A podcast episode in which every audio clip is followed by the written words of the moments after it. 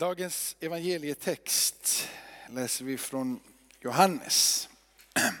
Sex dagar före påsk så kom Jesus till Betania där Lazarus bodde. Han som Jesus hade uppväckt från de döda. Man ordnade där en måltid för honom. Marta passade upp och Lazarus var en av dem som låg till bords med honom. Maria tog då en hel flaska dyrbar äkta nardusbalsam och smorde Jesu fötter och torkade dem med sitt hår. Huset fylldes av doft från denna balsam. Men Judas Iskat, en av lärjungarna, den som skulle förråda honom, sa varför sålde man inte oljan för 300 denarer och gav det. Detta sade han inte för att han brydde sig om de fattiga, utan för att han var en tjuv. Han hade hand om kassan och tog av det som lades dit. Men Jesus sade, låt henne vara. Hon har sparat sin balsam till min begravning. Det fattiga har ni alltid bland er, med mig har ni inte alltid. En stor mängd judar fick reda på att Jesus var där och de kom dit, inte bara för hans skull, utan också för att se Lazarus. Han hade blivit han som hade blivit uppväckt från de döda. Översteprästerna bestämde sig för att döda Lazarus också. Eftersom så många judar för hans skull gick ifrån dem och trodde nu på Jesus. Nästa dag när de många som hade kommit till högtiden fick höra att Jesus var på väg till Jerusalem tog de palmkvistar, gick ut för att möta honom och så ropade de Hosianna. Välsignad är han som kommer i Herrens namn. Han som är Israels konung. Jesus fick tag i en åsna och satte sig på den så som det står skrivet. Frukta inte dotter Sion, se din konung kommer sittande på en ung åsna. Lärjungarna förstod först inte detta, men när Jesus hade förhärligats kom de ihåg. Det som det står skrivet om honom, så hade man gjort med honom. Så lyder det heliga evangeliet. Det är lite, det är lite spännande den här, eh, den här texten som, som då är hämtad eh, till ingången till den här då stilla veckan. Det är samma text fast då från Matteus 21 som man brukar ha första advent. Det är något som man bara liksom inte direkt tänker på, men samma text så här om att de sjunger Hosianna i höjden är det vi använder vid första, första advent, palmsöndagen då nu, som ingång till den här stilla veckan. Men det är lite två skilda perspektiv. Första advent, när vi sjunger den här, så, så deklareras det tydligt i de texterna som är runt omkring i väntan på denna konung som ska komma och resa upp detta nya rike. En, det, det, är en, det, är en, det är liksom en konung som är på gång in. Um, han är ödmjuk läser vi från Sakarja, men han är segerrik, han är rättfärdig. Uh, han kommer inrisande på en åsna det talar om den här segerrika konungen som ska födas. Och när Jesus väl föds och sen har du de vise männen som kommer, så celebrerar han dem. De ger gåvor till honom och de säger till dem de möter, vi söker en ny konung som har blivit född. Vi har gått efter denna stjärna och vi har hittat hit. Texterna som ligger innan både andra advent, tredje advent handlar om Johannes döpare som får gå före och tala om att nu kommer Guds rikes intågande. Jesu moder, denna välsignade kvinna som får bära på det gudomliga barnet som blir till en förvandling för en hel, en hel värld. Men palmsöndagen och de texter som ligger där är inte uttryck så mycket för en kung. Utan det är mer av ett lidande. Det är mer utav en fokusering på den här äh, ödmjuke, lidande tjänaren som äh, inte vakade över sin plats och sin position utan antog en tjänares gestalt och kom ner hit. Det är samma texter, det är två perspektiv men det är en och samma konung. Amen. Han är på väg upp till Jerusalem, han är på väg upp för att lida, han är på väg upp för att dö. Den här vägen upp till korset, de märkliga berättelserna som blir grunden för våran tro. Den här veckan som har med sig så mycket av frustration och så mycket av lidande och så mycket av hopp.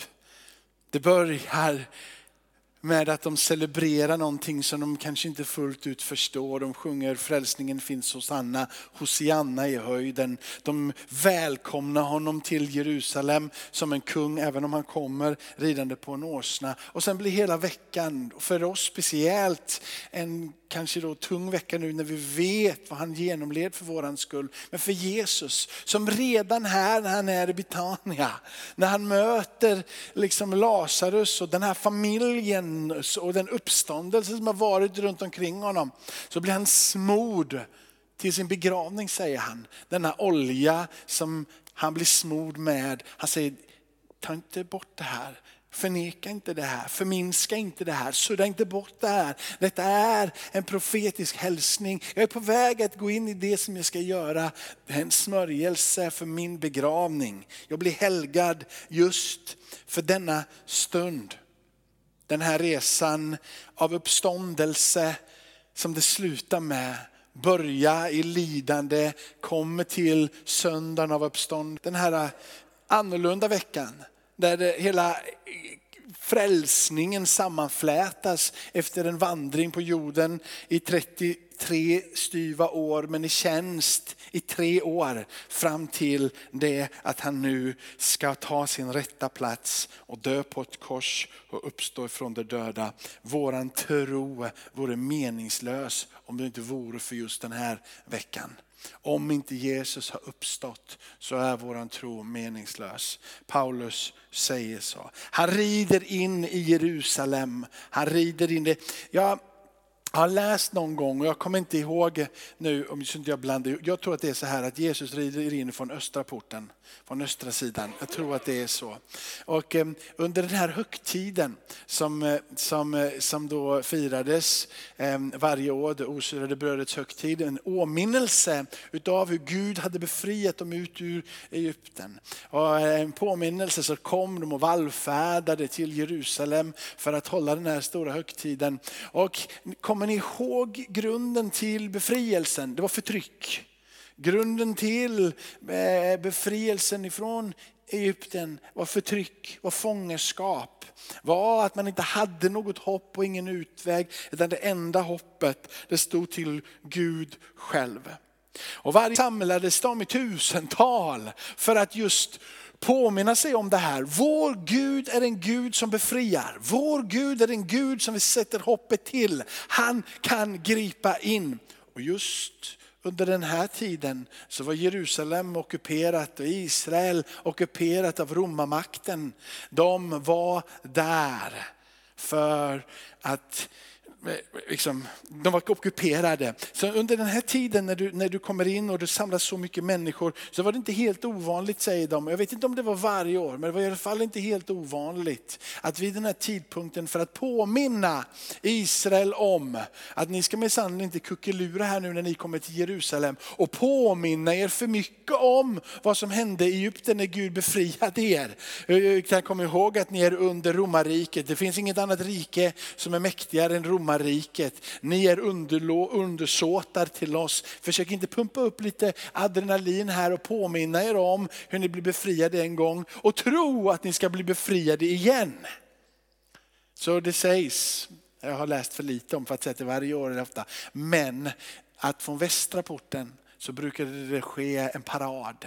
Där den som då var ståthållare och höll ihop den här regionen i det här fallet då Pontius Pilatus, att de red med hästar och med soldater in i staden för att påminna Jerusalems invånare och hela Israel som samlades för den här högtiden tro inte att ni ska få tillbaka något hopp på en Gud som kan frälsa er.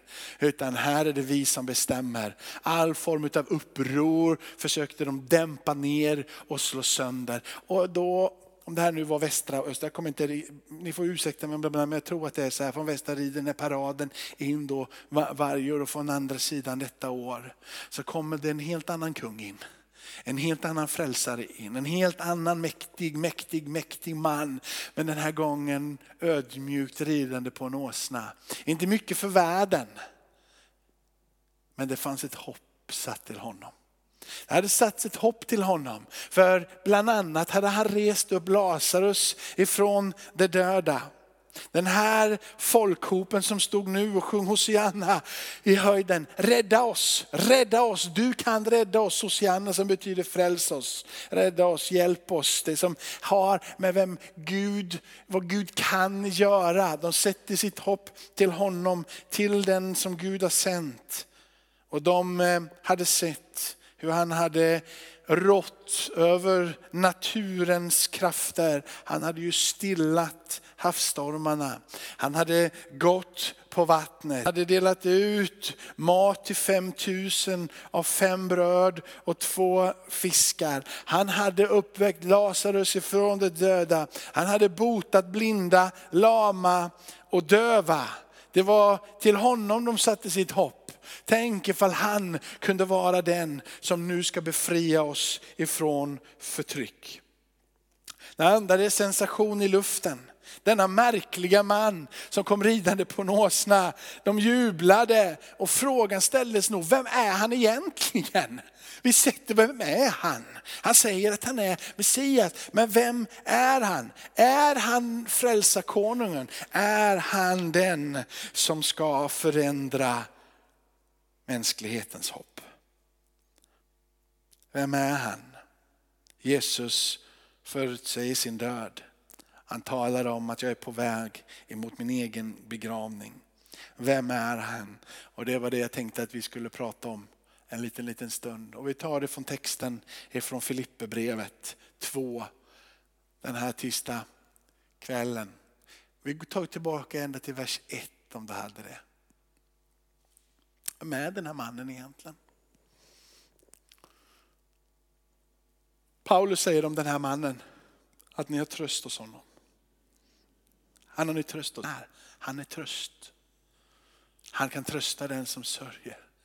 Han kan omfamna och ge det liv tillbaka som är så långt borta ibland. Så djupt fyllt av ångest. Men tröst finns. Tröst finns hos han. Det är han som kommer inridandes på en åsna. Han är tröst. Han är kärleken. Vi får uppmuntran av hans kärlek. Känner dig modlysten idag och inte vet hur du ska ta vägen. Det finns uppmuntran ifrån hans kärlek. Det finns hopp i hans namn. Gemenskap. Gemenskap med Fadern genom anden. Han är den som låter dig komma in i en djup relation med Fadern genom en och samma ande som föder på insidan av dig en förståelse om hans medkänsla, hans barmhärtighet. Han är där. Det är han som rider in. Han som rider in är den som kan få ditt och mitt sinnelag att bli ett med Jesu Kristi sinnelag. Vi kan i honom i en och samma andetag få vara ett med honom och få bära och vara i den kraft som bara finns i han. Han har gett oss. Varför har han kunnat göra det och varför ger han det? Han nödmjukade sig. Han vakade inte över sin egen plats och sin egen position. Han kom för att ge sitt liv för andra. Och min känsla är att det skulle kunna få vara en uppmuntring och en uppmaning till dig och mig. Att det finns någon som har gett sig för dig. Att du och jag skulle vilja ge oss för någon annan. Det som är, se han tog inte vara på sitt eget bästa. Utan han såg till andras bästa. Här så talar Gud om att han är givmild. Han vakar inte över sitt. Utan Gud är en Gud som är generös.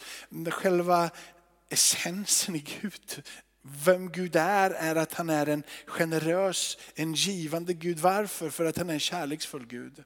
Kärlek är ju någonting som är utgivande. Kärlek är någonting man gör. Kärlek är ju inte grund och botten en känsla. Jag känner någonting så att jag älskar. Kärlek är någonting som man gör. Det är därför som Gud är kärlek, för att han är generös. Han är en givande Gud. Han vakar inte bara det han har, utan han är villig att ge allt han har till det som finns runt omkring honom. Han är en generös Gud som ger i överflöd. Han ger sig själv. Han vakar inte, det är han som kommer inridande. Han som inte vakar över sin egen plats, sin egen position, sin egen identitet. Den han är villig att överge för att ge dig hans identitet. För att ge dig allting som finns och som är i honom. Det är han som rider in. Sådan är Gud. Han är gyllene regeln. Vad ni vill att människor ska göra för er, det ska ni göra för dem. Det är Gud. Gud är sådan. Helt orimligt så ställde han det kravet på dig och mig. Nej, helt rimligt för han är sån. Gud sitter inte där borta och så sätter han det över dig Benjamin och säger så här, gyllene regeln det, det skulle passa Benjamin och övriga mänskligheten. Så vill jag att ni ska vara, men jag, jag är inte sån.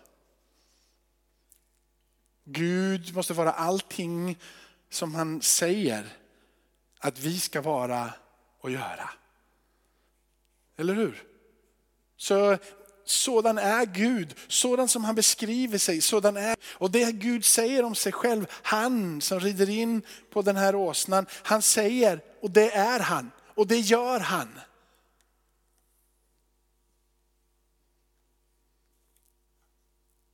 Den här uh, tjänande gestalten. Jag undrar vad han funderade och tänkte när de eh, celebrerade honom. Förstod han att de inte förstod? Vad såg han? Ni vet ju flera gånger så såg han in i människors hjärta. Han visste vad de tänkte. När han rider på åsnan och såg deras hjärtan och såg vad de tänkte. Undrar vad Jesus kände, undrar vad Jesus tänkte.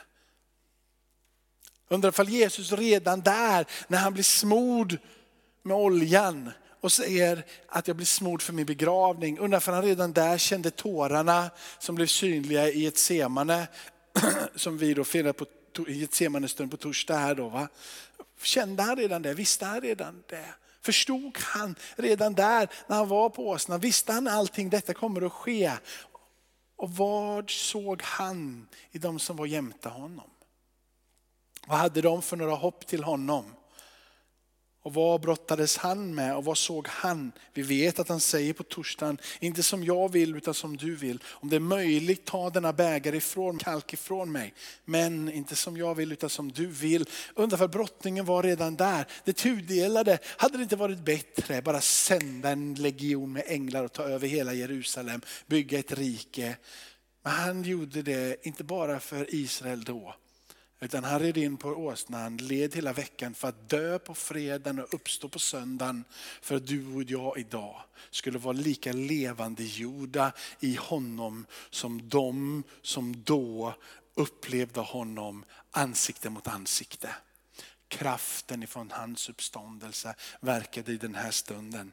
När Jesus uppstår så uppstår folk från de döda. Det mullrar och det skallrar. Det finns en kraft i den uppståndelsen. Han var tvungen att vandra den här vägen för att det som står på slutet i den här texten. För att alla i Jesu namn, alla knän skall böjas i himmelen och på jorden och under jorden och alla tungor bekänna att Jesus Kristus är Herre, Gud, Fader till ära. Amen. Tackar dig Fader i himmelen för ditt ord. Att vi får eh, ta de här texterna om och om igen varje år. gå runt hela det här kalenderåret med de ena som är de bärande trospelarna för det liv som du ger och det liv som du vill att vi ska leva. Vi ber Herre från djupet av vårt hjärta Herre, öppna våra ögon den här veckan för din död och din uppståndelse och dess kraft ber från djupet av mitt hjärta att de som finns här under min röst idag lyssnar på nätet eller kommer till denna kyrkan eller någon annan kyrka och som ännu inte har tagit emot dig som frälsare och låtit döpa sig. Att de den här veckan skulle få säga sitt ja till dig Jesus. Sitt amen till dig, till dina löften. Att vilja vara en efterföljare till dig, låta döpa sig och uppstå i full kraft när det gamla är begravet och det nya ligger framför. Jag ber Herre, tala till dem som finns runt omkring oss här och i andra kyrkor Herre. Uppenbara dig själv den här veckan. Det är min bön Herre. Tack för att du har mött med mig. Tack för det som du har gjort i mitt liv Herre. Det du har gjort i mina syskons liv Herre. På grund av att du är verklig för oss så vill vi också bekänna våran tro på dig också den här tisdagen. Ska vi stå upp tillsammans och bekänna våran tro?